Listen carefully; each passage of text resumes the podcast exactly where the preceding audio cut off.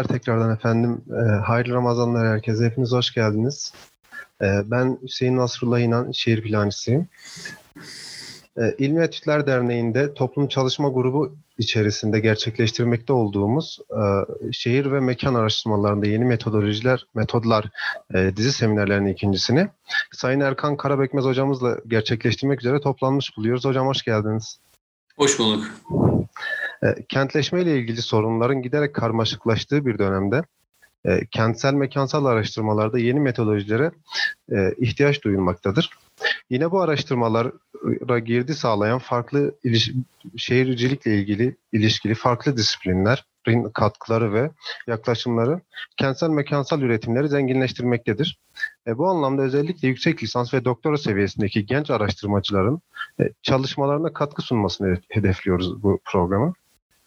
E, bu, ama, bu amaçla gerçekleştirdiğimiz dizi seminerlerin ikincisinde e, Sayın Erkan Karabekmez hocamızdan şehir ve mekan araştırmalarında yeni metodlar e, dizi seminerlerinde Big Data kullanımı üzerine bir sunum dinleyeceğiz inşallah. E, Erkan Karabekmez hocamızdan bahsetmek istiyorum. E, hocamız lisans, yüksek lisans ve doktora derecelerini Boğaziçi Üniversitesi'nde aldı. Yine aynı üniversitede hesaplamalı sistem biyolojisi ve biyoteknoloji üzerine araştırma projelerine katıldı. E, özel sektörde ARGE birimlerde yönetici olarak çalıştı. E, hocamız şu anda İstanbul Medeniyet Üniversitesi Biyomühendislik bölümünde öğretim üyesi olarak görev yapmakta ve ayrıca İstanbul Üniversitesi Hukuk Fakültesi'nde lisans eğitimini sürdürmektedir. E, ben sözü daha fazla uzatmadan programın gerçekleşmesine vesile olan İLEM ihtisasındaki hocalarımıza, yine teklifimizi kabul eden değerli hocalarımıza ve İLEM teknik ekibe teşekkürlerimi sunmak istiyorum. Ve sözü Erkan hocamıza bırakmak istiyorum. Buyurun hocam. Ee, çok teşekkür ederim. Öncelikle bu fırsatı sunduğunuz için. Ee, ben müsaadenizle e, bir e, slide sunumu üzerinden e, anlatmaya çalışacağım. Şöyle paylaşımı yapayım. Ee,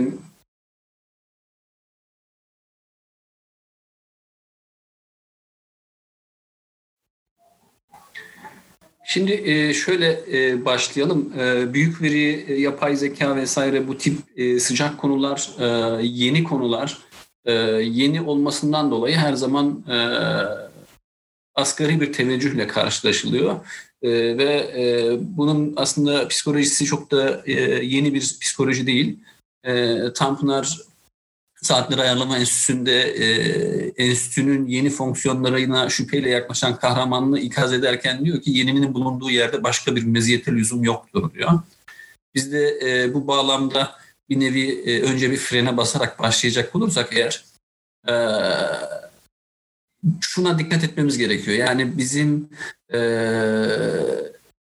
sadece yeni olduğu için mi e, biz bu e, büyük veri, efendim söyleyeyim yapay zeka gibi e, sıcak, popüler şeylerin peşinden gidiyoruz. Yoksa gerçekten bunlardan e, bir nasıl bir fayda umduğumuzdan emin miyiz? Bunun e, buna dikkat etmemiz gerekiyor. Mesela e, güncel bir çalışmada Avrupa'da yapay zeka ile alakalı ürünler sunduğunu iddia eden e, şirketler üzerinde yapılan detaylı bir araştırma e, bu şirketlerin ürünlerinin yüzde kırkının aslında yapay zeka ile hiç alakası olmadığını e, göstermiş durumda. E, bu iş oldukça popüler. Mesela ne deniliyor? Diyor ki 2021'de e, yazılım anlamında yazılacak e, aplikasyonların, uygulamaların %75'inde yapay zeka tabanlı olacağı e, varsayılıyor. Büyük verinin yapay zeka ile işlendiği e, bir trend geldiği söyleniyor. Ancak bir diğer yandan da e, yapay zeka ile alakalı akademik çalışmaların %90'ının e, validasyonunun yapılmadığı, ikinci bir veri setiyle dahi tekrardan e, teyit edilmediği e, raporlanıyor. Bunlar e, işin nasıl diyelim e, çirkin olabilecek yönünü de ortaya koyuyor. Ama öyle ya da böyle e, yapay zekadan bir adım daha geriye gidip daha geniş perspektifte e, veri bilimi diyecek olursak veri bilimi şu anda e, patlamış durumda. Çok hızlı bir şekilde e, bir dalga halinde geliyor. Neden? Çünkü dijital devrim. Çünkü ölçebiliyoruz artık e, ölçebildiğimiz şeyi hesaplayabiliyoruz. Bir şeyi ölçebiliyorsanız ve hesaplayabiliyorsanız e, bunun imkanları da hayatın her alanında tezahür ediyor. E, işte ne deniyor? 2026 içerisinde 11 milyondan fazla e, veri bilimciye ihtiyaç olacağına dair bu yönde bir e, iş alanı açılacağına dair projeksiyonlar mevcut. e, veri nerede artıyor? Her yerde artıyor. Yani okunabildiğimiz, e, merak ettiğimiz, ilgilendiğimiz, e, bir çözüm bulabileceğimizi düşündüğümüz her alanda artık bilgisayar destekli teknolojilerle e, yüksek miktarda ölçüm yapabiliyoruz, yüksek miktarda kayıt alabiliyoruz ve bunları yüksek işlemci güçleriyle, işte bulut destekleriyle çözümleyebiliyoruz. İşte iktisatta bir ülkenin ekonomik büyümesini modelleyebilirsiniz. Borsada e, projeksiyonlar modelleyebilirsiniz. Bankacılıkta milyarlarca, milyonlarca elektronik para transferi içerisindeki yolsuz işlemleri yakalamaya çalışabilirsiniz. Bir avukat için, bir mimar için veyahut da bir e, gazetenin editörü için veya bir doktor için karar destek yazılımları oluşturabilirsiniz. Mesela yapay zeka bağlamlı bir yazılım ajanslardan gelen haberleri e, yeniden yeni cümlelerle e, haber metnine dönüştüren e, yapay zeka editörler var mesela. E, ya da e, bu işin belki de e, en ileride giden çünkü en hızlı paraya tahvil edilebilen kısmı olan pazarlama kısmında e, müşteri davranış modelleri vesaire ile alakalı çok enteresan uygulamalar var. Bu e, işin piyasadaki en e, öncüleri özellikle pazarlamada e, veri biliminin ve yapay zekanın uygulamaları olarak karşımıza çıkıyor. Eğitimden iş zekasına, işte astronomiden yalan makinesi, ses tanıma, yüz tanıma teknolojilerine kadar birçok yerde karşımıza çıkıyor. E, meteorolojide çok daha e, nispeten daha eskiden beri kullanılan teknikler ve benim kendi alanım olan yaşam bilimlerinde de çok enteresan uygulamaları var. E, birkaç tanesinden hızlıca bahsedeyim. Mesela e, şu film 2009'daki ekonomik krizin başlangıcıyla alakalı olan bitenlerden bir tanesini anlatıyordu. Genel bir kapitalizm eleştirisi ancak e, olayların başladığı olay enteresan. E, veri analiziyle sadece veriyi iyi yönetmek suretiyle e, ciddi bir milyar dolarlık bir krizin geldiğini önceden görebiliyorsunuz. Öngördüğünüz zaman da e, kapitalist, vahşi kapitalist düzlemde avantaj sağlayabiliyorsunuz. Veyahut da demin hızlıca geçtiğim Netflix e, bütün e, abonelerinin bütün anlık e, hareketlerini kaydedip e, sizin e, neleri daha çok tercih ettiğinizle alakalı bir karakterinizi çıkartıyor ve karakterinize göre her bir e, şovu için birden fazla mesela burada Stranger Things için 9 ayrı afiş hazırlamışlar ve sizin hangisi afişi daha ilgili olabileceğinizi, hangisini daha ilginç bulacağınızı düşünüyorsa size özel, o 9 taneden size özel olanı çıkartıyor ve bunun için sizin bütün e, hareket geçmişinizi verileştiriyor, veriye dönüştürüyor ve analiz ediyor. E, bir başka enteresan olabilecek örnek, mesela yüz tanıma teknolojileri, e, yüzünüzdeki 10, 15, 20, 30 karakteristik, e, en fazla 100 tane karakteristik ölçüm e, yapıp yüzünüzü veriye dönüştürüp sizi %98, %99 e, kalitede tanıyabiliyor. Burada ise 15 dakikalık bir video kaydını, mülakat kaydını kullanmak suretiyle sizinle alakalı 50-100 tane değil de 25 bin parçadan oluşan bir veriye dönüştürüyorlar sizi ve bunun da sizin e, mizacınızı, iş yapış tutuşunuzla alakalı e, neler yapabileceğinizle alakalı e, İK anlamında faydalı olabilecek çıktılar çıkarmaya başlıyor. Sağlıkta benim daha yoğun çalıştığım kısımda e, moleküler bazdan tutun e, giyilebilir e, sağlık e, sağlık takip yapan cihazlar, hastalık kaydına vesaire bunların hepsinin kümülatif bir şekilde e, veri bilimi e, teknikleriyle incelendiği e, doktor karar destek yazılımları mesela e, şu anda bile kullanılmaya başlandı ve her geçen gün e, artabiliyor. Veriden e, bazen hakikaten e, insan hiç düşünmediği şeyleri çekip çıkartabiliyorsunuz. Bu benim hep çok enteresan bulduğum bir e, görsel. E, sadece insanların genetik materyalini kullanmak suretiyle genetik materyallerindeki bilgi iki boyutlu bir düzleme e, aktarmak suretiyle Avrupa bu haritasını yakalıyorlar. Yani insanların genetik materyallerindeki yakınlıklarıyla coğrafi yakınlıkları arasında birebir bir örüntü yakalayıp e, hiçbir coğrafi bilgi kullanmadan Avrupa haritasını e, bambaşka bir düzlemdeki verinin içerisinden mesela çıkartabiliyorlar. E, veyahut da yine e, futbol severler için enteresan gelebilir. E, Nature grubunun sadece veri bilimine özel tematik dergilerinden bir tanesinde çıkan bir makale mesela. Futbol e, maçını e, uzamsal ve mekansal yani 90 dakika işte 22 kişi hakem e, bir de top ve sahanın ölçüleri içerisinde anlık bütün her şeyi veriye dönüştürme ve bu veriyi işleme. Gördüğünüz gibi veri e, her yerden çıkıyor. İşte astronomiden çıkıyor. İnsanlar ne yapıyorlar artık? Astroinformatics ile alakalı e, akademik konferanslar düzenliyorlar. Çünkü biz gökyüzünden de veri okuyabiliyoruz. Ee, daha önce teleskoplarla görüp işte şu küçük ayı bu büyük ayı diye manuel bir şekilde tasnif ettiğimiz yıldızları artık e, bilgisayarlarla bile tasnif etmek oldukça güç hale geliyor. Çünkü petabaytlarca görüntü alıyoruz uzayın derinliklerinden ve burada da astroinformatics diye bir e, düzlem karşımıza çıkıyor. Yavaş yavaş sosyal bilimlere doğru gelecek olursak artık sosyal bilimlerde de e, veri ölçülebiliyorsa, e, kullanılabiliyorsa bu sosyal bilimlerdeki iş yapış tutuş tarzında da yeniliklere yol açıyor. Bu da yine 2017 tarihli bir konferansın afişi. E, mesela Türkiye'ye gelelim. Türkiye'de bile e, artık e, yavaş yavaş burada belki çok büyük bir veri yok ama e, 2018'de yapılan bir doktora tezi Osmanlı'daki musiki şinasların etkileşim ağını bir network, kompleks, kompleks network yaklaşımıyla e, inceliyorlar sonuçta veri biliminin araçlarından bir tanesini kullanmak suretiyle e, sosyal bilimlerle ilgili tarihle alakalı, müzik, musiki tarihiyle alakalı e, enteresan çıktılar yakalamaya çalışıyorlar. Buna benzer ama daha kompleks e, sosyal bilimciler tarafından yürütülmesi biraz daha zor olabilecek bir çalışmada mesela e, bir database'deki 12 bin tane e, entelektüelin veyahut da işte antik Yunan'dan günümüze kadar önemli düşünürün etkileşim ağını e, farklı kompleks network algoritmalarıyla e, tasnif ederek içerisinden zaten orada olup ama aslında direkt göremediğimiz veyahut da işin uzmanı, erbabı bir kişinin hissedebildiği, özümseyebildiği ama bizim henüz hazmedip göremediğimiz detayları yakalamaya çalışıyoruz. Tamam belki işte Marx, Nietzsche, Hegel, Kant'ın en önemli etkileyici kişiler olduğunu anlamak için böyle bir network analizi yapmanız şart değil ama e, mesela şurada enteresan olabilecek bir çıktıya varmışlar. Antik Yunan düşünürlerinin e, direkt olarak e, birçok farklı dönemdeki insanı etkileyen düşünceleriyle, e, eserleriyle etkileyen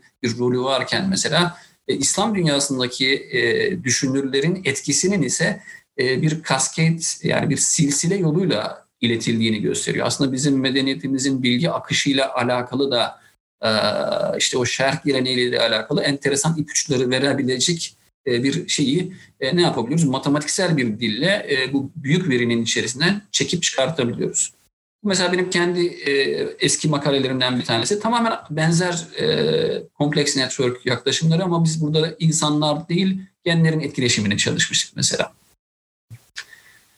Yavaş yavaş kendi e, bu sunum bağlamına yaklaşmaya başlayacak olursak e, şurada bir çalışma var mesela. Ne yapmışlar? Amerika'daki e, ilaç reçetelendirme e, davranışının e, çekmişler. Yani işte 200-300 milyon insanın e, işte birkaç sene boyunca işte kaç kere doktora gitmiş, kaç kere e, hastalanmış, hangi hastalıkta hangi reçeteyi almış. Bütün bu veriyi alıp coğrafi bilgiyle beraber proses etmek suretiyle e, hangi ilaçlar nerede daha çok e, reçetelendiriliyor bunu çıkarmaya çalışmışlar. E, Türkiye gibi genel sağlık sigortası olan yerlerde çok anlamlı olmayabilir ama Amerika'da e, genel sağlık sigortası olmadığı için insanlar ücretini ödemek zorunda olduğu için gelir durumuna göre aynı hastalık için farklı ilaçlar e, reçete edilebiliyor. Ve bunda net bir şekilde e, şehirleşmeyle e, paralelliğini gö- gözlemlemişler. Yani şehirleşmenin yoğun olduğu kırmızı bölgelerde birazcık daha pahalı ilaçların daha fazla reçete edildiğini ama daha kırsal gelir seviyesinin daha düşük olduğu mavi bölgelerde ise e, ne yapmışlar? Farklı ilaçların reçete edildiğini görmüşler. Ne yapmışlar? Sadece e, hangi ilaçların reçete edildiği verisini kullanıp e, şehirleşme ile alakalı bir ölçüt yakalamışlar. Yani ilk etapta size e, böyle bir bilgi vermeyecek gibi gözüküyor. Hani deminki şey örneği gibi genetik veriden Avrupa haritasını çıkarmıştık. Burada da reçete örüntüsünden e, şehirleşme ile alakalı bir çıktı çıkartıyoruz. Sonuçta şehir araştırmalarının önemli e, paydalarından bir tanesi, e, önemli kısımlarından bir tanesi sağlık hizmetleri. Eurostat'ın Avrupa Birliği'nin istatistik platformu diyebileceğimiz Eurostat'ın mesela şehirleşme ile alakalı, şehirleşme derecesi ile alakalı bir takım kriterlerle yaptığı önemli bir çalışma var. Çok ciddi miktarda veri kullanılıyor yine burada da. E, motivasyonları şu başta diyorlar ki acaba e, şehir ve kırsal tanımlarımız yeniden elden geçirmemiz gerekir mi diyorlar. Mesela e, İtalya'da Treviso e, 100 bin nüfuslu bir şehirdir. E, Türkiye'de 100 bin nüfuslu bizim şehirlerimiz e, Bayburt, Burdur vesairedir ama İtalya'da Treviso Bayburt, Burdur değildir. Treviso İtalya'da kişi başı gelirin en yüksek olduğu e, şehirlerden bir tanesidir. İnsanlar Porsche'larla, Ferrari'lerle dolaşır. İşte Benetton vesaire gibi birkaç tane e, en önemli İtalyan markasının e, üretimi ve merkezi Treviso'dadır mesela. Şimdi Treviso bir kırsal çok sayılacak bir yer değil. Her ne kadar tarihi doku, böyle bağların, bahçelerin iç içe olduğu küçük bir kasaba gibi gözükse de aslında e, İtalya'da endüstrinin ve sanayinin en önemli e, odaklarından bir tanesi. Dolayısıyla bu e, kırsalla şehrin e, birbirleriyle e, ilişkisini tekrardan nasıl e, hesaplayabiliriz, ölçebiliriz diye detaylı bir ölçüm yapıyorlar. İşte e, sağlıktan eğitime, efendim söyleyeyim e, refah e, seviyesinden işsizliğe, turizmden e, internet vesaire erişimine kadar yüzden fazla indikatörü e, kilometre karelere bölüp bütün Avrupa'yı her bir kilometre kare için yüzden fazla indikatörün e, veriye dönüştürüyorlar. Bu veri üzerinden üçlü bir e, öbekleme, sınıflandırma yapıyorlar. İşte şehirler, e, kasaba ve e, e, banliyöler e, ve efendime söyleyeyim e, kırsal bölgeler diye bir tasnif yapıp şehirleşme ile alakalı çok farklı katmanlardaki bilgiyi kullanabiliyorlar. Mesela bir önceki slayttaki reçetelendirme örüntüsünü mesela belki de kullanmışlardır veya ona benzer başka bir bilgiyi burada da yine hakeza kullanmış olma ihtimalleri mevcut. Ee, yine bana enteresan gelen çalışmalardan bir tanesi şehirleşme e, tarihiyle alakalı Urbanization.org diye bir e, sitede detaylarını inceleyebilirsiniz. Barcelona'nın 1867'deki haliyle günümüzdeki halinin karşılaştırmalı bir e, birçok e, kriter anlamda karşılaştırmalı bir çalışması mevcut. Üç boyutlu oldukça e, enteresan e, görsellerle şunları gösteriyorlar. Aslında şehirleşmenin e, mantığı e, mortaliteden tutun da birçok şeyi aslında değiştiriyor. Yani e, şehri nasıl kurguladığınız, e, nereye mek o şehrin mekanlarını nasıl dağıttığınız e, birçok şeyi etkiliyor. Ve bunu e, şehirleşme süreci hızlı ve e, kısa bir sürede ve sistemli bir şekilde yürüyen bir liman şehri olan Barcelona'da e, zaten şöyle meşhur bir ızgara şekli vardır Barcelona şehrinin böyle cetvelle çizilmiş e, kare şeklinde caddeler. E, bunun nedeni 19. yüzyılda hızlı bir şekilde sanayileşmeyle beraber orası da bir liman kenti olarak hızlı bir iş gücü, işçi akını ve e, hızlı bir şekilde büyüyen şehri hızlı bir şekilde sistemli büyütmüşler.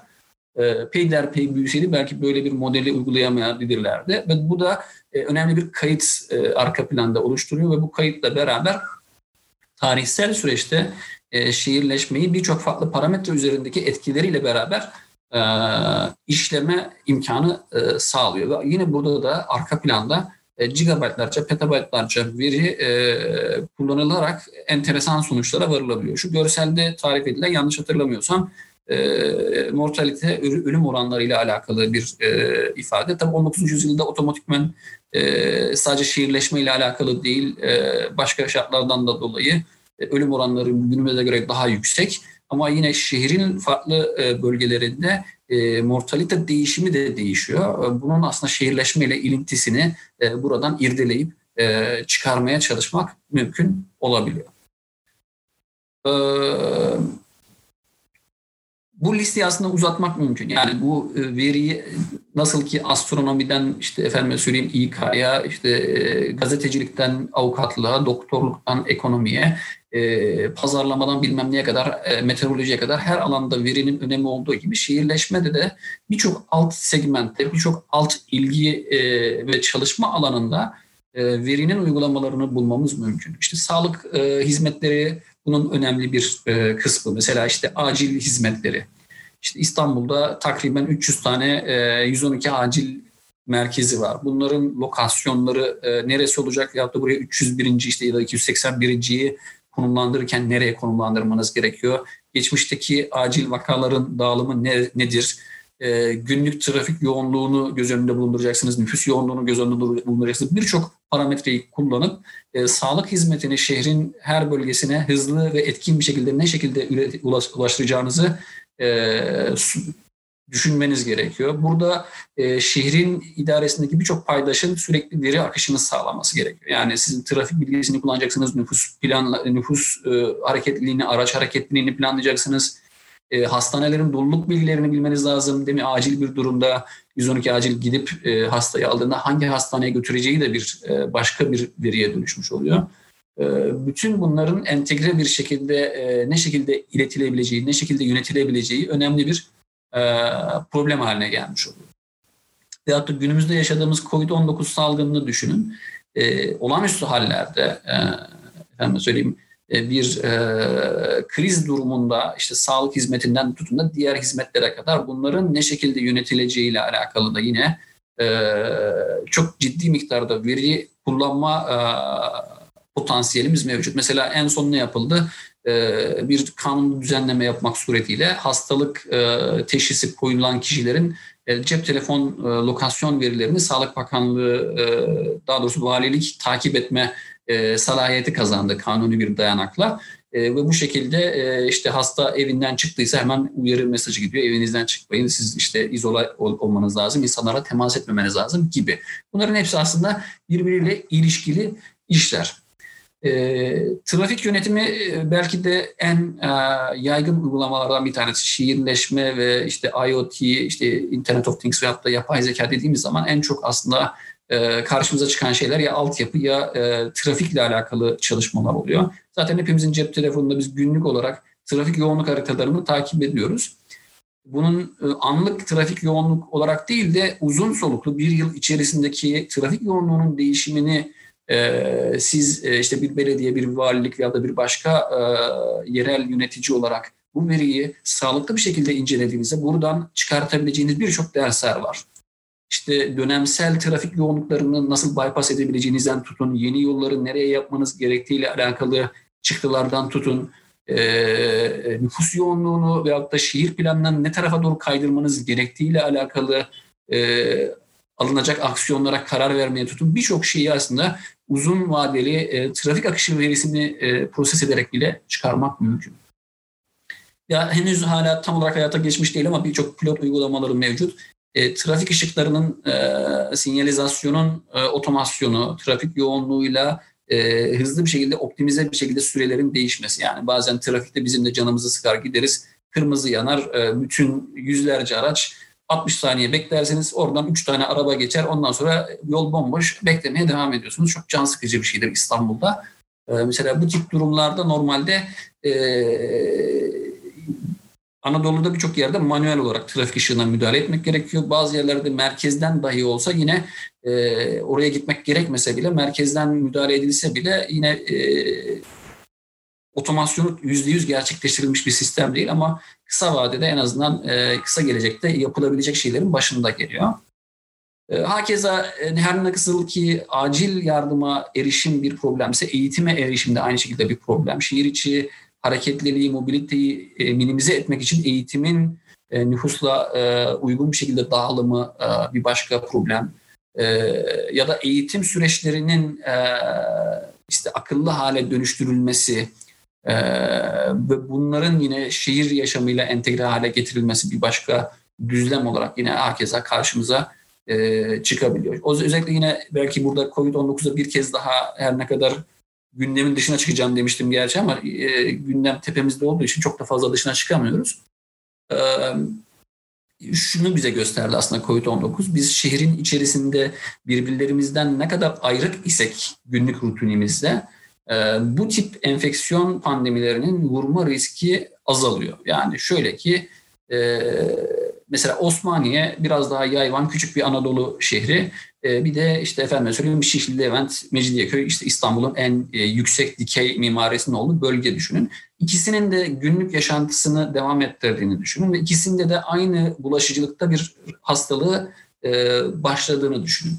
R0 dediğimiz katlanma ile alakalı parametre otomatikman Osmaniye'de daha düşük olacaktır. Yani aslında bütün şehirlerimiz Osmaniye gibi olsa bu anlamda e, belki de e, bu tip bir pandemiyi e, daha önceki kuş gripleri, domuz gripleri gibi e, daha az e, kaosla, daha az krizle belki de atlatacak durumda olacağız. Ama e, dikey yığılma e, bize bunu mümkün kılmıyor. Yani çünkü biz onlarca kişi sürekli asansörlere binip çıkıyor, sürekli birbirlerine temas ediyor. Yani e, metrekareye, kilometrekareye düşen insan sayısı o kadar yoğun ki bu şehir tasarımında e, bizim e, ekstra bir takım önlemler almadan bu R0 değerini düşürme şansımız kalmıyor. Ama aslında biz şehirleşmeyi yaymak suretiyle e, bu R0 değerini doğal olarak zaten bire çok yakın tutabiliriz ve aslında birçok pandemiyi çok daha e, hafif önlemlerle sadece işte insanlar maske taksın demek suretiyle mesela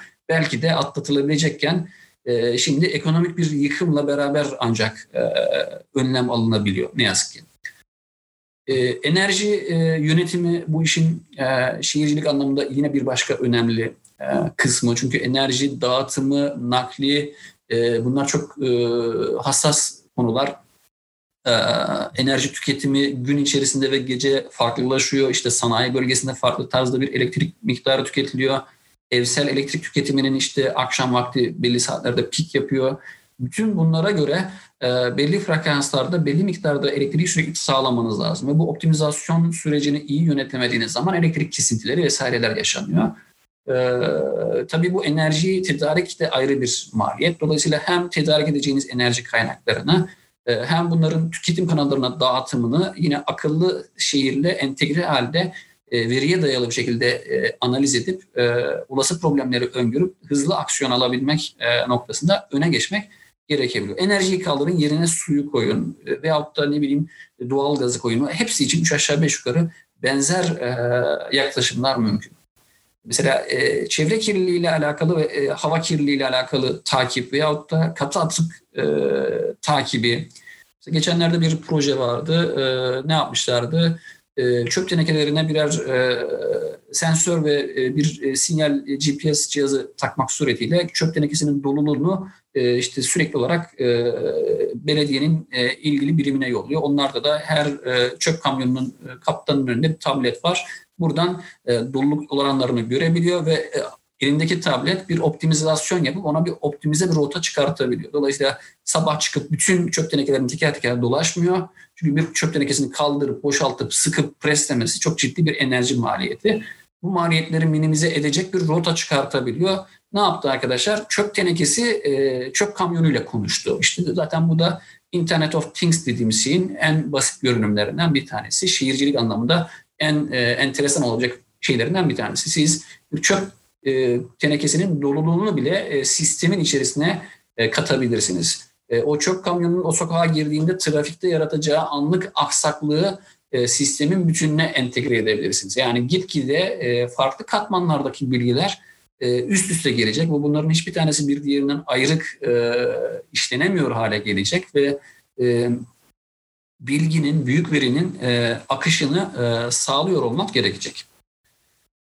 Şurada mesela daha küçük mekansal tasarımlara gelecek olursak mimariyle alakalı bir örnek. Tamamen yapay zeka ile kullanılmış, e, üretilmiş yüzlerce farklı ev tasarım. Yani bunu e, tabii biraz daha böyle e, Lego gibi biraz daha e, basit bir tasarım gibi gözükse de e, buradaki önemli olan şey şu e, manuel olarak bir şey yapmıyorsunuz. Burada e, yüzlerce e, evi yapay zeka size üretebiliyor. Veya da sizin e, farklı önceliklerinize göre tasnif edip size özgü, kişiye özel mimari çözümleri çok hızlı bir şekilde üretebilir. Bunlar ne yapacak tabii ki?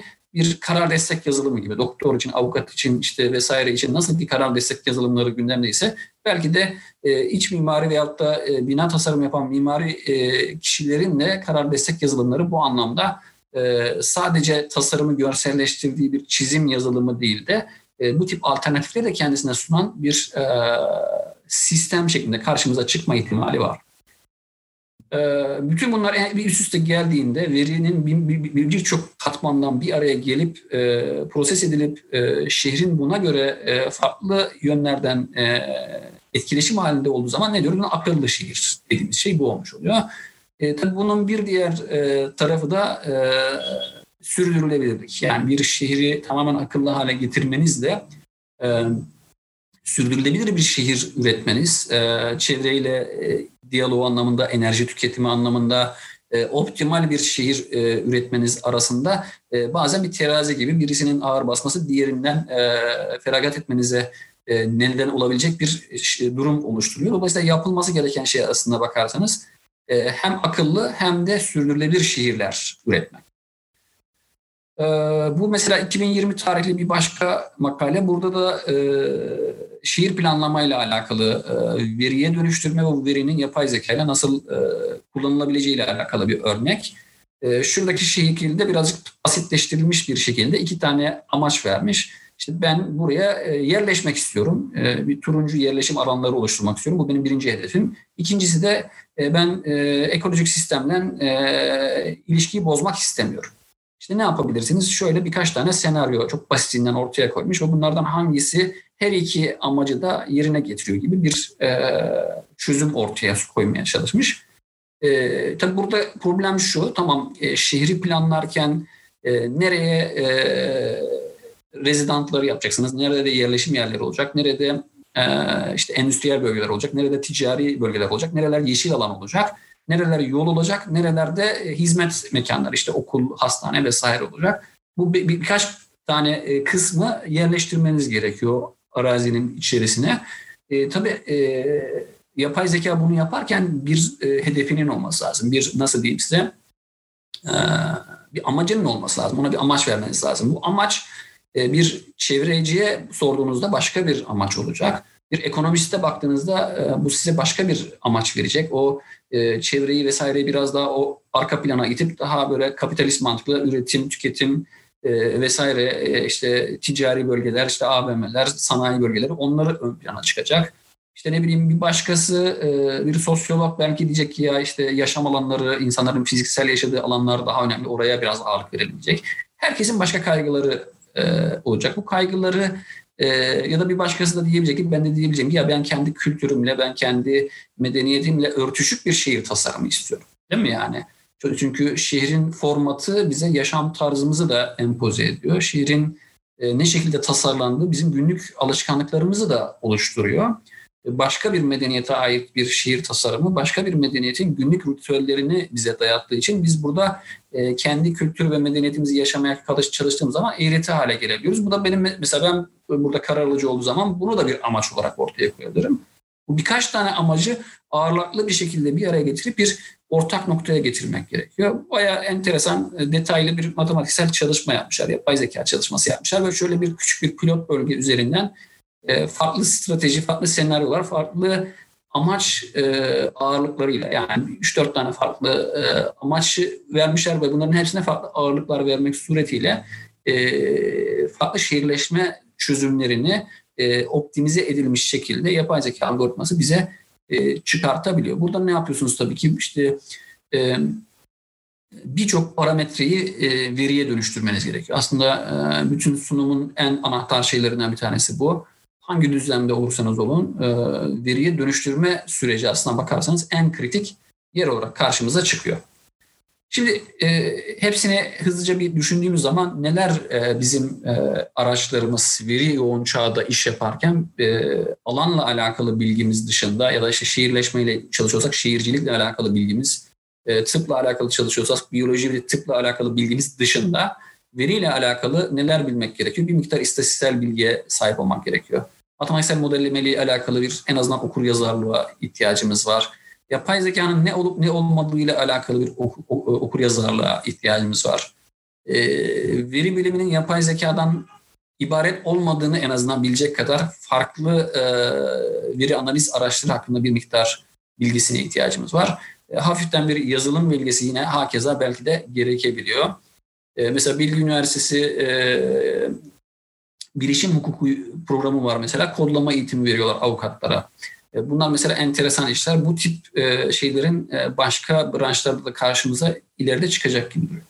Ama tabii bütün bunları çok iyi bilen bizim elimizde zaten yazılımcılar var. Ya zaten bir bilgisayar mühendisini elimize aldığımız zaman kendini yetiştirmiş iyi bir bilgisayar mühendisi zaten şu saydığım ilk altı maddenin hepsini gayet güzel kıvırabiliyor. E o zaman niye bir veri bilimi diye yeni bir şey söylüyoruz veyahut da yeni bir şey varmış gibi bunu bir başka bir şeymiş gibi satmaya çalışıyoruz. Çünkü burada kritik olan şey şu. E, yazılımcıların jargonuyla konuşacak olursak domain bilme yani alanı bilme. Verinin kaynağı olan bağlamı anlama, algılama bu kısım çok önemli.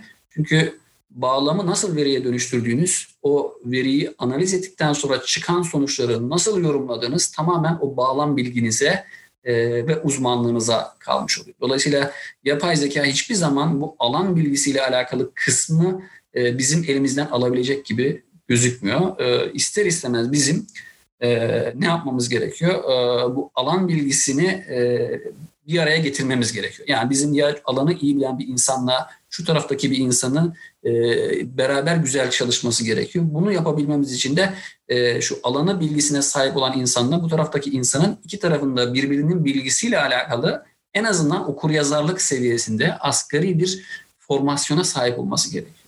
Yani şiircilikle alakalı çalışan bir e, akademisyenin e, ben e, şiircilikle büyük veriyle alakalı bir şey yapacağım dediği zaman tamam bir bilgisayar mühendisiyle, bir istatistikçiyle, bir matematikçiyle paslaşabilir, verilerin analizini ona yaptırabilir ama onun ne yapıp ne ettiğiyle alakalı işin ABC'sine dair bir bilgisinin olması şart. Aksi takdirde e, verimli bir e, kolaborasyon ortaya çıkması mümkün değil. Veyahut da e, işte e, ekonomi ve e, yaşam bilimleri en popüler olduğu için mesela yazılımcılar gelip bu alanlarda çok alan bilgisi olmaksızın e, bir takım hesaplamalar yapıyorlar. Çünkü her taraf veri bankası dolu. Veriyi indiriyor. Ben ona şöyle bir model yaptım diyor. Çarptım, böldüm bir şeyler yaptım diyor ama yaptığı şeyin fiziksel ve biyolojik bir karşılığı yok. Yani afaki bir şeyler yapıyor. Yani matematiksel olarak çok enteresan bir şeyler yapmış olabilirsiniz. Çok enteresan bir model yapmış olabilirsiniz ama fiziksel gerçeklikte bir karşılığı yoksa bunun e, o ne oluyor? E, çöp oluyor tabiri caizse. Ne yapmış oluyorsunuz? Gidiyorsunuz sadece sizin gibi alan bilmeyen yazılımcıların, e, veri inceleyicilerin bir araya geldiği bir takım ekonomi, e, akademik konferanslarda birbirlerinizi ağırlıyorsunuz. Ama ciddi bir iş olması için şu ikisinin e, bir şekilde alan bilgisiyle, bağlam bilgisiyle veri işleme kabiliyetinin aynı potada eriyecek hale gelmesi gerekiyor. Yapay zeka bu, bu kısmına çok fazla girmeyeyim. Çünkü çok fazla uzatmanın alemi yok. Şurayı geçiyorum. Ee, Harvard Business Review'de Türkçe tercümesi yer alan bir e, makale var. 2018 falan olması lazım tarihi. Alibaba'nın nasıl yükseldiği ile alakalı. Alibaba malum a, dijital pazarlama alanında çok e, büyük bir dünya devi olmuş bir firma. Çin menşeli ve çok kısa bir sürede bu başarı elde etmiş bir firma. E, bu ekibin içerisinde yer alan birisinin e, söylediği şey şu smart business yani akıllı işletme olması lazım diyor. Yani e, şu verdiği maddeler e, bana e, enteresan geldiği için özellikle buraya tekrardan aldım. E, bir diyor bütün müşteri hareketlerini verileştirin diyor. Yani burada aslında kastettiği şey şu. E, veriye dönüştürme aslında e, en e, kritik ayaklardan bir tanesi. Tamam bir pazarlamada müşteri hareketleri tamam bunu verilere dönüştürme anlamlı olabilir. E, ama bir şehirleşme düzlemine gittiğiniz zaman siz neyi veriye dönüştüreceksiniz? Bu kısmı önemli ama e, mantıklı olan ve e, çok böyle gürültü yaratmayacak e, şekilde olabilecek her şeyi veriye dönüştürmek önemli. Bu veriler üzerinde alacağınız aksiyonları yazılım haline getirin ve veri akışını sağlayın. Çünkü burada bir e, işletme içerisinde de e, bir sürü e, paydaş var. Tedarikçi, depocu, planlamacı, işte satışçı bilmem neci vesairedi.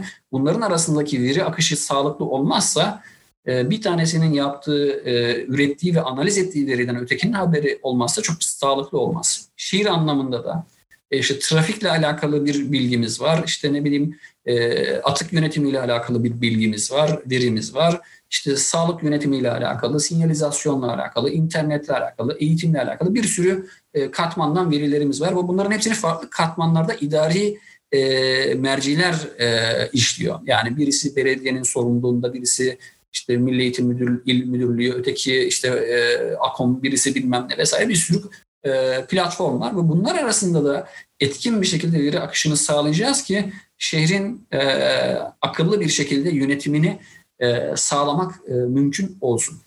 E, hepsinden öte ben şu altını çizmek için özellikle almaya çalıştığım şey bu. Ali Baba'nın başarısının en önemli etkenlerinden birisinin bu strateji olduğunu söylüyor ve bir müşterinin e, internet sitesinde satın almasa bile her bir attığı tıkın bile kaydını tutuyorlar ve bunları ticari kararlarında kullanıyorlar ve bunların hepsini kapitalize etmiş oluyorlar. Şöylece bir döngüye bakacak olursak aslında bir e, yaşam bilimiyle alakalı döngünün ilk adımı e, işte business understanding dediği e, domain bilme veyahut da alan bilgisi dediğimiz kısım ilk çıkış noktamız ve en kritik nokta. Yani burası en hayati e, kısmını oluşturuyor. Bizim e, alanı bilmemiz gerekiyor. Ondan sonra bu alanın içerisinden e, verileştirme, o verinin içi, veriyi e, biriktirip onun içerisinden bir şeyleri çekme. Hangi verileri tutacağız ve hangi verileri çekeceğiz. Burası önemli. Üçüncü kısım bu veriyi temizleme. Çünkü her zaman veri olduğu zaman yanında e, ne vardır? Gürültü vardır, noise vardır, gereksiz bilgi vardır, hata payı vardır. Bunları bir şekilde elimine etmeniz lazım. E, datanın eksplorasyonu, işte mühendisliği ve e, öngörücü bir modele dönüştürülmesi. Normalde bizim verim madenciliği ve şu kısımlar verim bilimi deyince ilk akla gelen kısımlardır. Ama aslına bakarsanız bunlarla ilgili araçlar 3 aşağı 5 yukarı oturmuştur. Yani hangi disipline giderseniz gidin kullanabileceğiniz bir dünya e, işte e, modelleme algoritması, işte ne bileyim şu adımları yapabileceğiniz bir dünya açık kaynak kod sağda solda mevcut. Biraz yazılım bilgisi olan bir insan bunlara erişip farklı bağlamlarda pekala bunları kullanabiliyor. Esas veri bilimcinin en çok uğraştığı, en çok başını ağrıtan, büyük veride en çok başını ağrıtan kısım şurası oluyor. Mesaisinin en fazla kısmını alan kısım şurası oluyor. Veriyi temizlemek. Çünkü dediğim gibi her şeyi verileştirdiğiniz zaman hatalı veri kaydı da almış oluyorsunuz. İşte ne bileyim ben gittim SGK'dan Türkiye'nin bütün ya da SGK'dan İl Sağlık Bakanlığı'ndan bütün herkese uygulanan tedaviler, hastalıklar ve hastalıkların şehirleşmeyle ilişkisiyle alakalı bir çalışma yapacağım. Bütün verileri aldım. E, gerçi kamu pek veri paylaşma konusunda birazcık e, hantal hala Türkiye'de ama e, farz edelim verdi size ve siz de bunu e, kullanacaksınız. Orada şunlara e, aklınıza bulunması gerekiyor. E, bu doktor bu teşhisi girerken ne kadar hassas davranıyor? E, belki de e, bazen şöyle olabiliyor. Doktorun başı o kadar kalabalık oluyor ki e, vermek istediği ilacı e, verebileceği en kısa teşhis neyse hemen onu sisteme girip e, alakasız bir teşhis dahi olsa sisteme onu girip hemen reçete vermek istiyor. Yoksa e, adamın gerçek teşhisini oraya yazsa ekstra bir sürü menüler çıkıyor. Doktorun e, sırada bekleyen bir sürü hasta var. E, 5-10 dakika boyunca sürekli o formların hepsini dolduracak takati yok. E, iş yoğunluğundan dolayı bir kestirme yapıyor.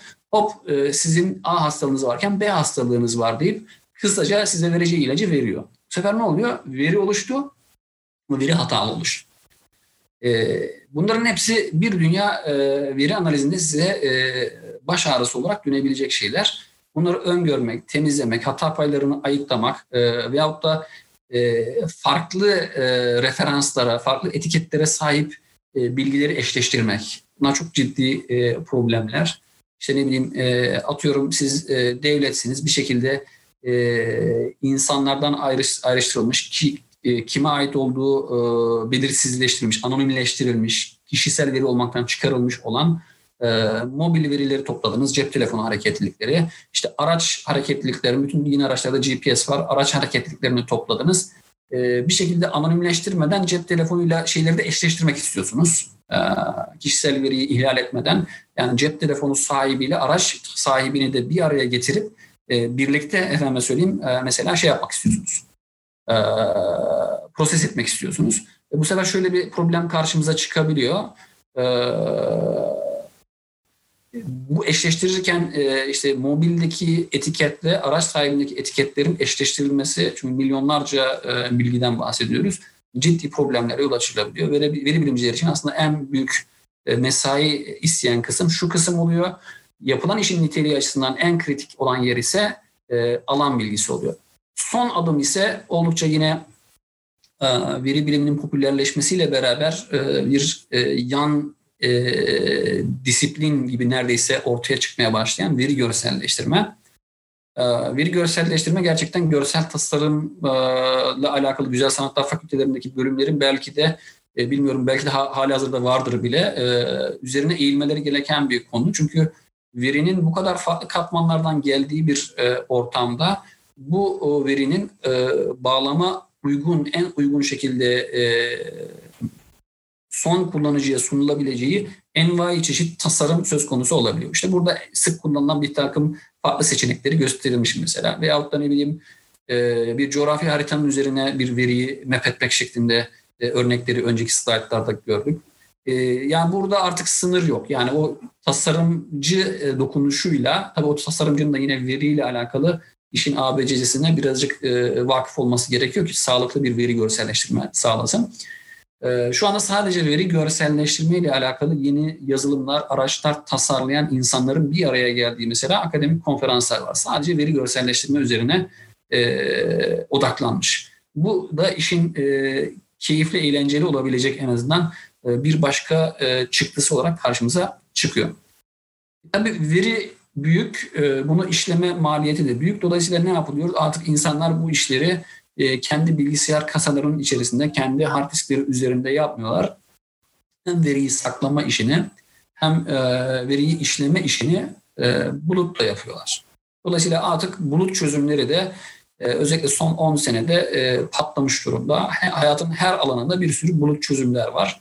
İşte en basitinden işte bir Dropbox veya da Drive içerisinde sizin e, bir dosyanızı saklamanızdan tutun da işte GitHub'da bir algoritmanızı, e, bir çözüm metodolojinizi e, tekrarlanabilir bir şekilde saklamanızdan tutun da bir bin, bin bir çeşit platformda veriyi tutabiliyorsunuz, kira ödüyorsunuz bu buluttaki yer kirası için veyahut da petabaytlarca veriyi bir algoritmaya sokacaksınız. Bunu masaüstü bilgisayarınıza yapmanız mümkün değil.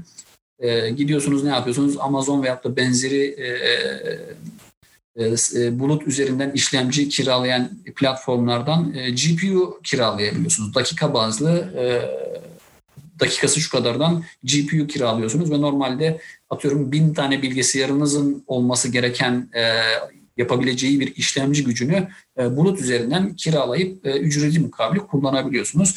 Dolayısıyla bu bulut çözümleri de stratejik bir önem, ciddi bir sektör haline çıkmış oluyor karşımıza. Benim kendi alanımla alakalı bir örnek olarak buraya koydum ama esas üzerine durmak istediğim şey şu bu noktada yavaş yavaş sona doğru geliyoruz. Burada yapay zeka teknolojisiyle bir kemoterapi ile alakalı bir yaklaşım buluyorlar arkadaşlar. Hem de çok iddialı bir dergide de bunu basıyorlar zamanında. Ancak daha sonra birileri alıp bunların sonuçlarını tekrar analiz ettiğinde e, bu algoritmanın sonuçlarını tekrar analiz ettiğinde burada ciddi bir hata yaptıklarını tespit ediyorlar. E, neticede bu soldaki makale geri çekiliyor. E, bir dünya e, dava konusu vesairesi bile oluyor. E, demem o ki şu, e, büyük veriyi analiz etmenin derdi de büyük oluyor. Eğer e, veriyi doğru bir şekilde analiz etmezseniz, e, istatistiksel araçları veyahut da algoritma ile alakalı modelleri doğru bir şekilde uygulamazsanız, e, var olduğunu zannettiğiniz e, örüntüler aslında olmayan şeyler olabilir. Yani gigabaytlarca verinin içerisinde orada olmayan bir şey görmeye başlayabilirsiniz. Nitekim buradaki hadise böyle. E, veyahut da e, daha e, masum bir hata olarak zaten aslında orada olan görebileceğiniz bir şeyi görmüyor olabilirsiniz. Dolayısıyla e, sistematik bir şekilde e, veriyi e, işlemek e, ciddi bir hayati bir önem taşıyor. Hangi bağlamda olursak olalım. Şehirleşme bağlamına gelecek olursak burada e, bu tip bir veri kullanımının e, sistematik ve sağlıklı bir şekilde yürütmesi için birçok e, iradenin bir araya gelmesi gerekiyor. Bir siyasi iradenin bir araya gelmesi gerekiyor. İşte ticari kaygılardan e, dolayı hani e, nasıl diyelim paranın akışının e, uygun gitmesi gerekiyor. Çünkü e, para hep bir akış sağlıyor. Siz bunu tersine yüzmeye çalıştığınız zaman ciddi problem yaşayabiliyorsunuz. E, idari, e, bürokratik e, esneklik ve beceri hayati bir önem kazanıyor. Yani siyasi perspektif olsa bile bazen bürokratik e, esnekliğin zayıflığından dolayı e, sistemin dönüşmesi ve verinin çekilmesi ve işlenmesi problem haline gelebiliyor. Hangi veriyi seçeceğiniz önemli. Verinin standardı ve güvenilirliği ayrı bir e, problem. E, verilerin yanlılığı ayrı bir problem. Bütün bunların ötesinde bu veriyle beraber veriyi işleyerek yaptığınız işin tekrarlanabilir olması da önemli. Yani bakın burada arkadaşlar yapmış bunlar tekrarlayamamış. Aynı veriyi analiz etmişler başka sonuca varmışlar.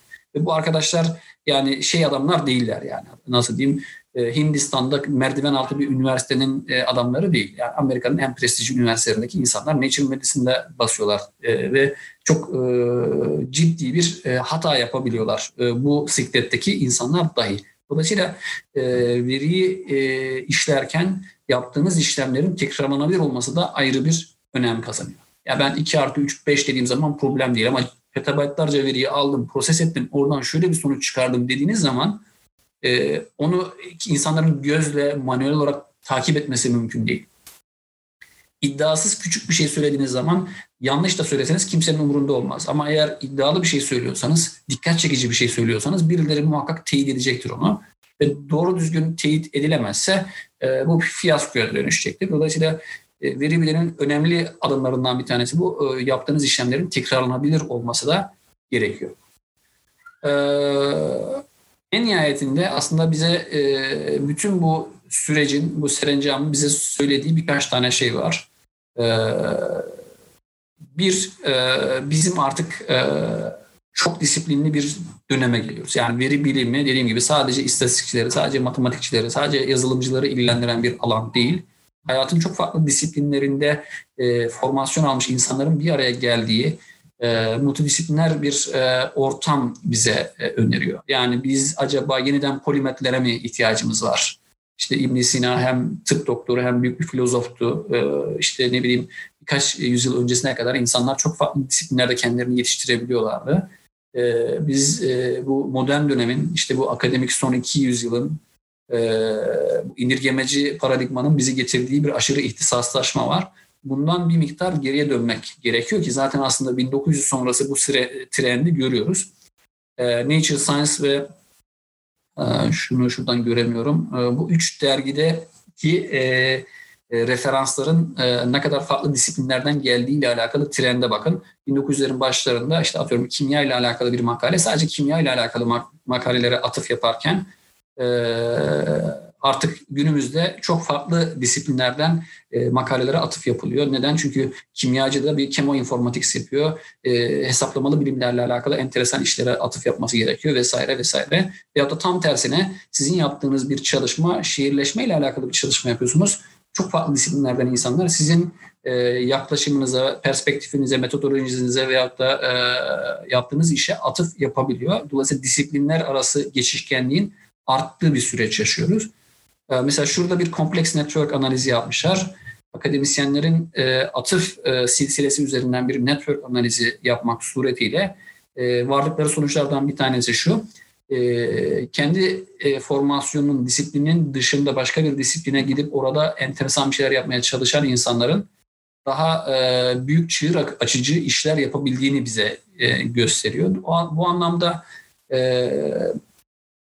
indirgemeci perspektifin bize dayattığı aşırı ihtisaslaşmadan bir geriye dönüş trendinin de aslında e, habercisi olduğunu düşünebiliriz e, veri biliminin.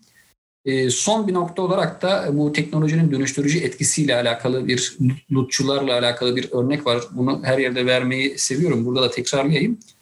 1700'lerin sonlarında İngiltere'de sanayi devrimi olduğu zaman manuel dokuma tezgahlarında çalışan işçiler e, kazan kaldırıyorlar. Diyorlar ki ya bu buharlı makinalarla çalışan e, dokuma tezgahları bizim işimizi elimizden alacak. Biz aç kalacağız diye. E, LUT diye bir ustabaşının örgütlediği çeteler gece yarıları buharlı dokuma tezgahı çalıştıran işletmeleri basıp parçalıyorlar. Bu vandal anarşik durum 10 e, seneden fazla sürüyor. E, ciddi bir dalga olarak Luditler diye bir e, dalga olarak İngiltere'nin tarihinde önemli bir damga vuruyor. Neticede ne oluyor? Tabii İngiltere'de o dönem sanayinin beşiği olan Liverpool-Manchester hattında kimse aç maç kaldı yok. Gördüğünüz gibi hepsi şu anda dünyanın en müreffeh hayatını yaşamaya devam ediyorlar. Tabii bir sürü başka parametre de var ama demek istediğim şey şu. Teknoloji kimsenin işini elinden almaz e, yapay zeka da kimsenin işini elinden almaz ama teknoloji dönüştürür. Yani e, 300 sene önce, e, 250 sene önceki nutçuların düştüğü endişelere düşmenin alemi yok. bu veri üzerinden yapay zeka ile işte şiir planlamasında yapay zeka yapacaksa işte efendim söyleyeyim sağlık planlamasında o yapacaksa bunu da o yapacaksa avukatlığı da o yapacaksa doktorluğu da bu yapacaksa biz ne yapacağız gibi bir endişe bazen konuşuluyor. Bu aslında yapay zekaya yüklenen gereksiz anlamdan kaynaklanıyor. aslında baktığınız zaman teknoloji yapılan işi dönüştürüyor. bunu buna dikkat etmekte fayda var. kapatırken bir son nokta daha ekleyeyim. öyle tahmin ediyorum ki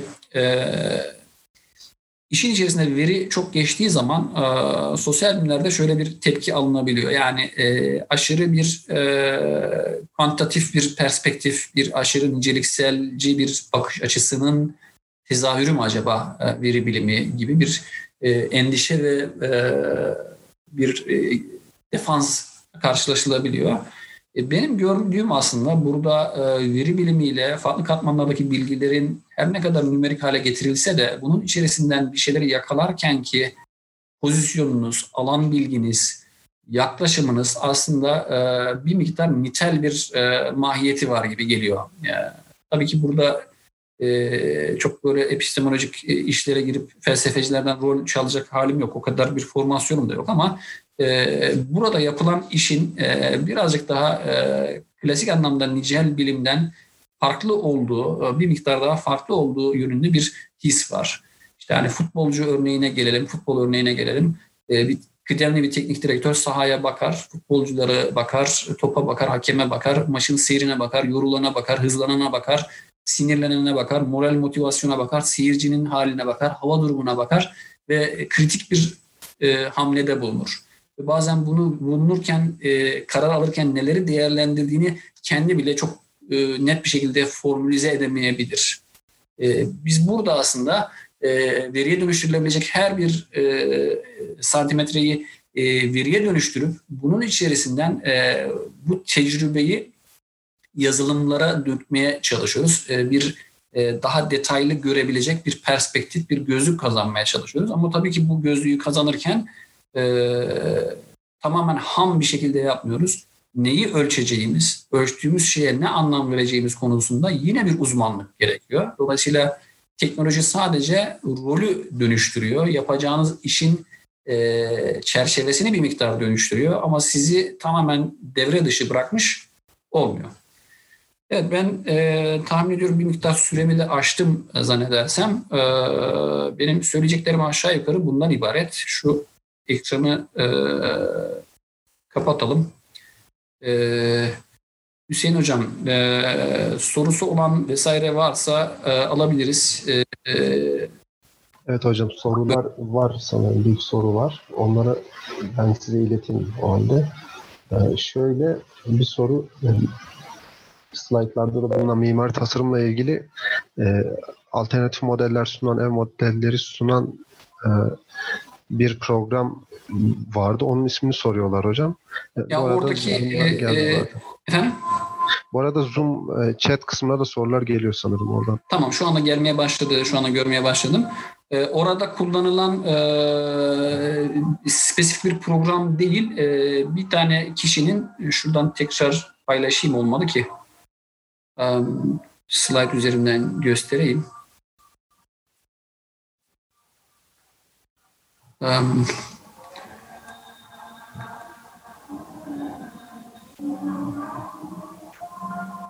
şurada ismi geçiyor. Ee, Twitter'da şu adrese bakarsanız e, bu arkadaş böyle küçük küçük e, projeler yapıyor. E, ve yazdığı kodları GitHub'da e, bulunduruyor. E, oradan yazdığı projeleri e, tekrarlayıp kurcalamak mümkün ama e, hazır bir e, yazılım hani böyle e, user friendly bir ortamda, atmosferde yapılan bir şey değil.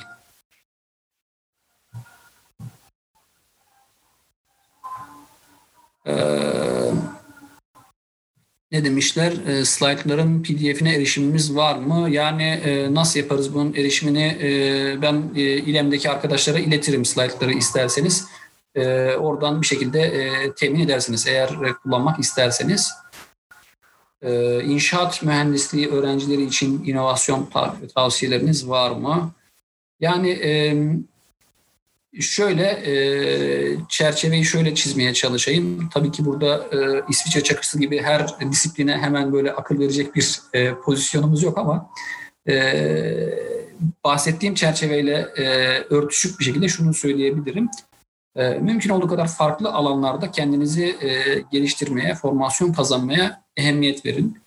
E, çünkü e, insanlar şöyle tavsiyelerde de bulunabiliyorlar. Hani bu tavsiyelerde bulunan insanlara da e, hani e, sonsuz saygılarımı kenara koymak suretiyle hani dağıtmayın kendinizi bir konuda uzmanlaşın derler ya. Ben genelde tam tersini söylüyorum. E, tek alana kendinizi kapatmayın.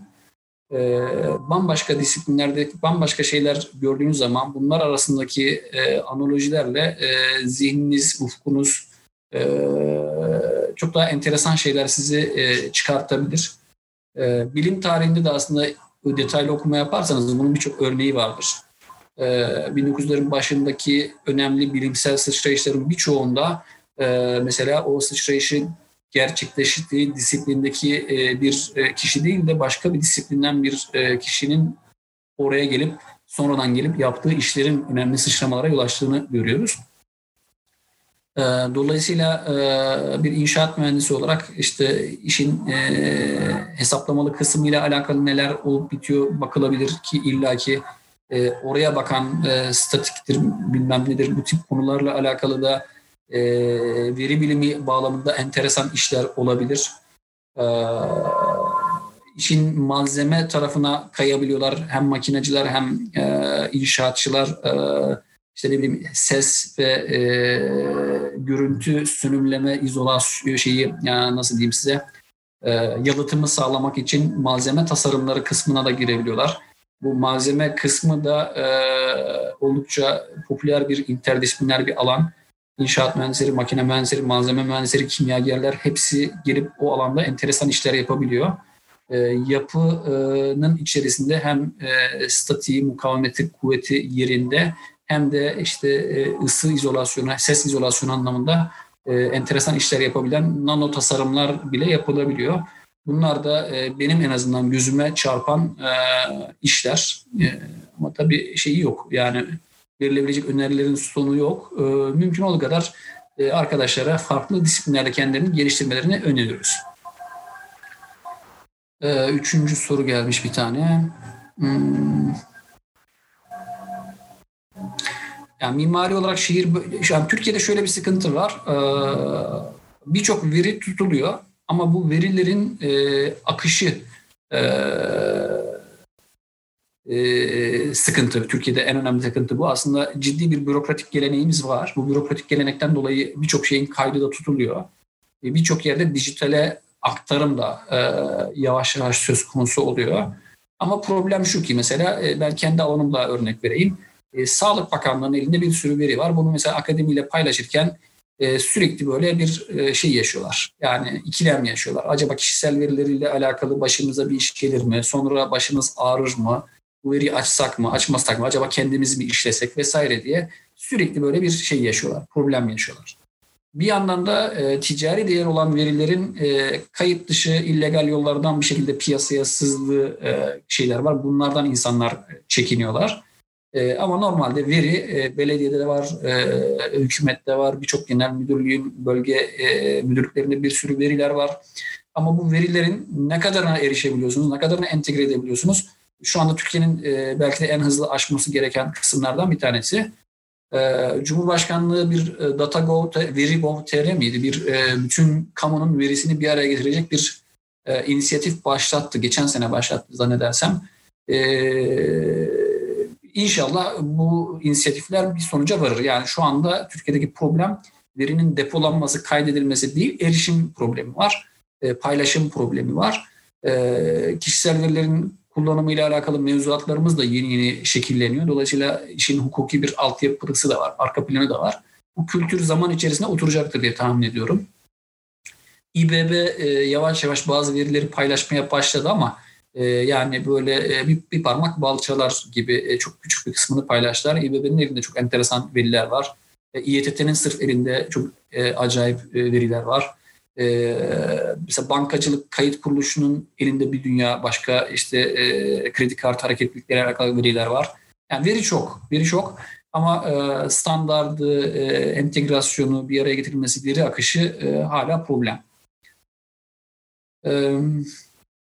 Kabaca büyük verinin kapsamı dışında kalanlar. Yani büyük verinin kapsamı dışında olanlar derken tam neyi kastediliyor bilmiyorum ama büyük verinin sınırlarını görebiliyor muyuz? Yani verinin sınırı yok. Yani e, ölçebildiğiniz, kaydedebildiğiniz her şey veri haline geliyor. E, sınırınız ne? Sınır, sınırınız işleme kabiliyetiniz e, bir sınır, saklama kabiliyetiniz bir sınır. Çünkü e, bulut üzerinden dahi olsa e, saklayabileceğiniz e, dijital veri miktarı sınırlı. Belli bir miktarın üstüne çıktığı zaman problem ve belli bir miktarın üzerindeki veriyi e, isterseniz GPU kiralayın, ne yaparsanız yapın, süper bilgisayarlarda kullansanız belli bir miktarın üzerinde veriyi işlemek de hala problem. Dolayısıyla sınır buradan e, kaynaklanıyor. Yoksa e, ölçebildiğiniz, e, sayılara dönüştürebildiğiniz her şeyi bir şekilde veriye dönüştürebiliyorsunuz ve dönüştürülüyor ve bir şekilde bir yerlerde kayıtta ediliyor. Evet herhalde başka e, soru kalmadı diye tahmin ediyorum.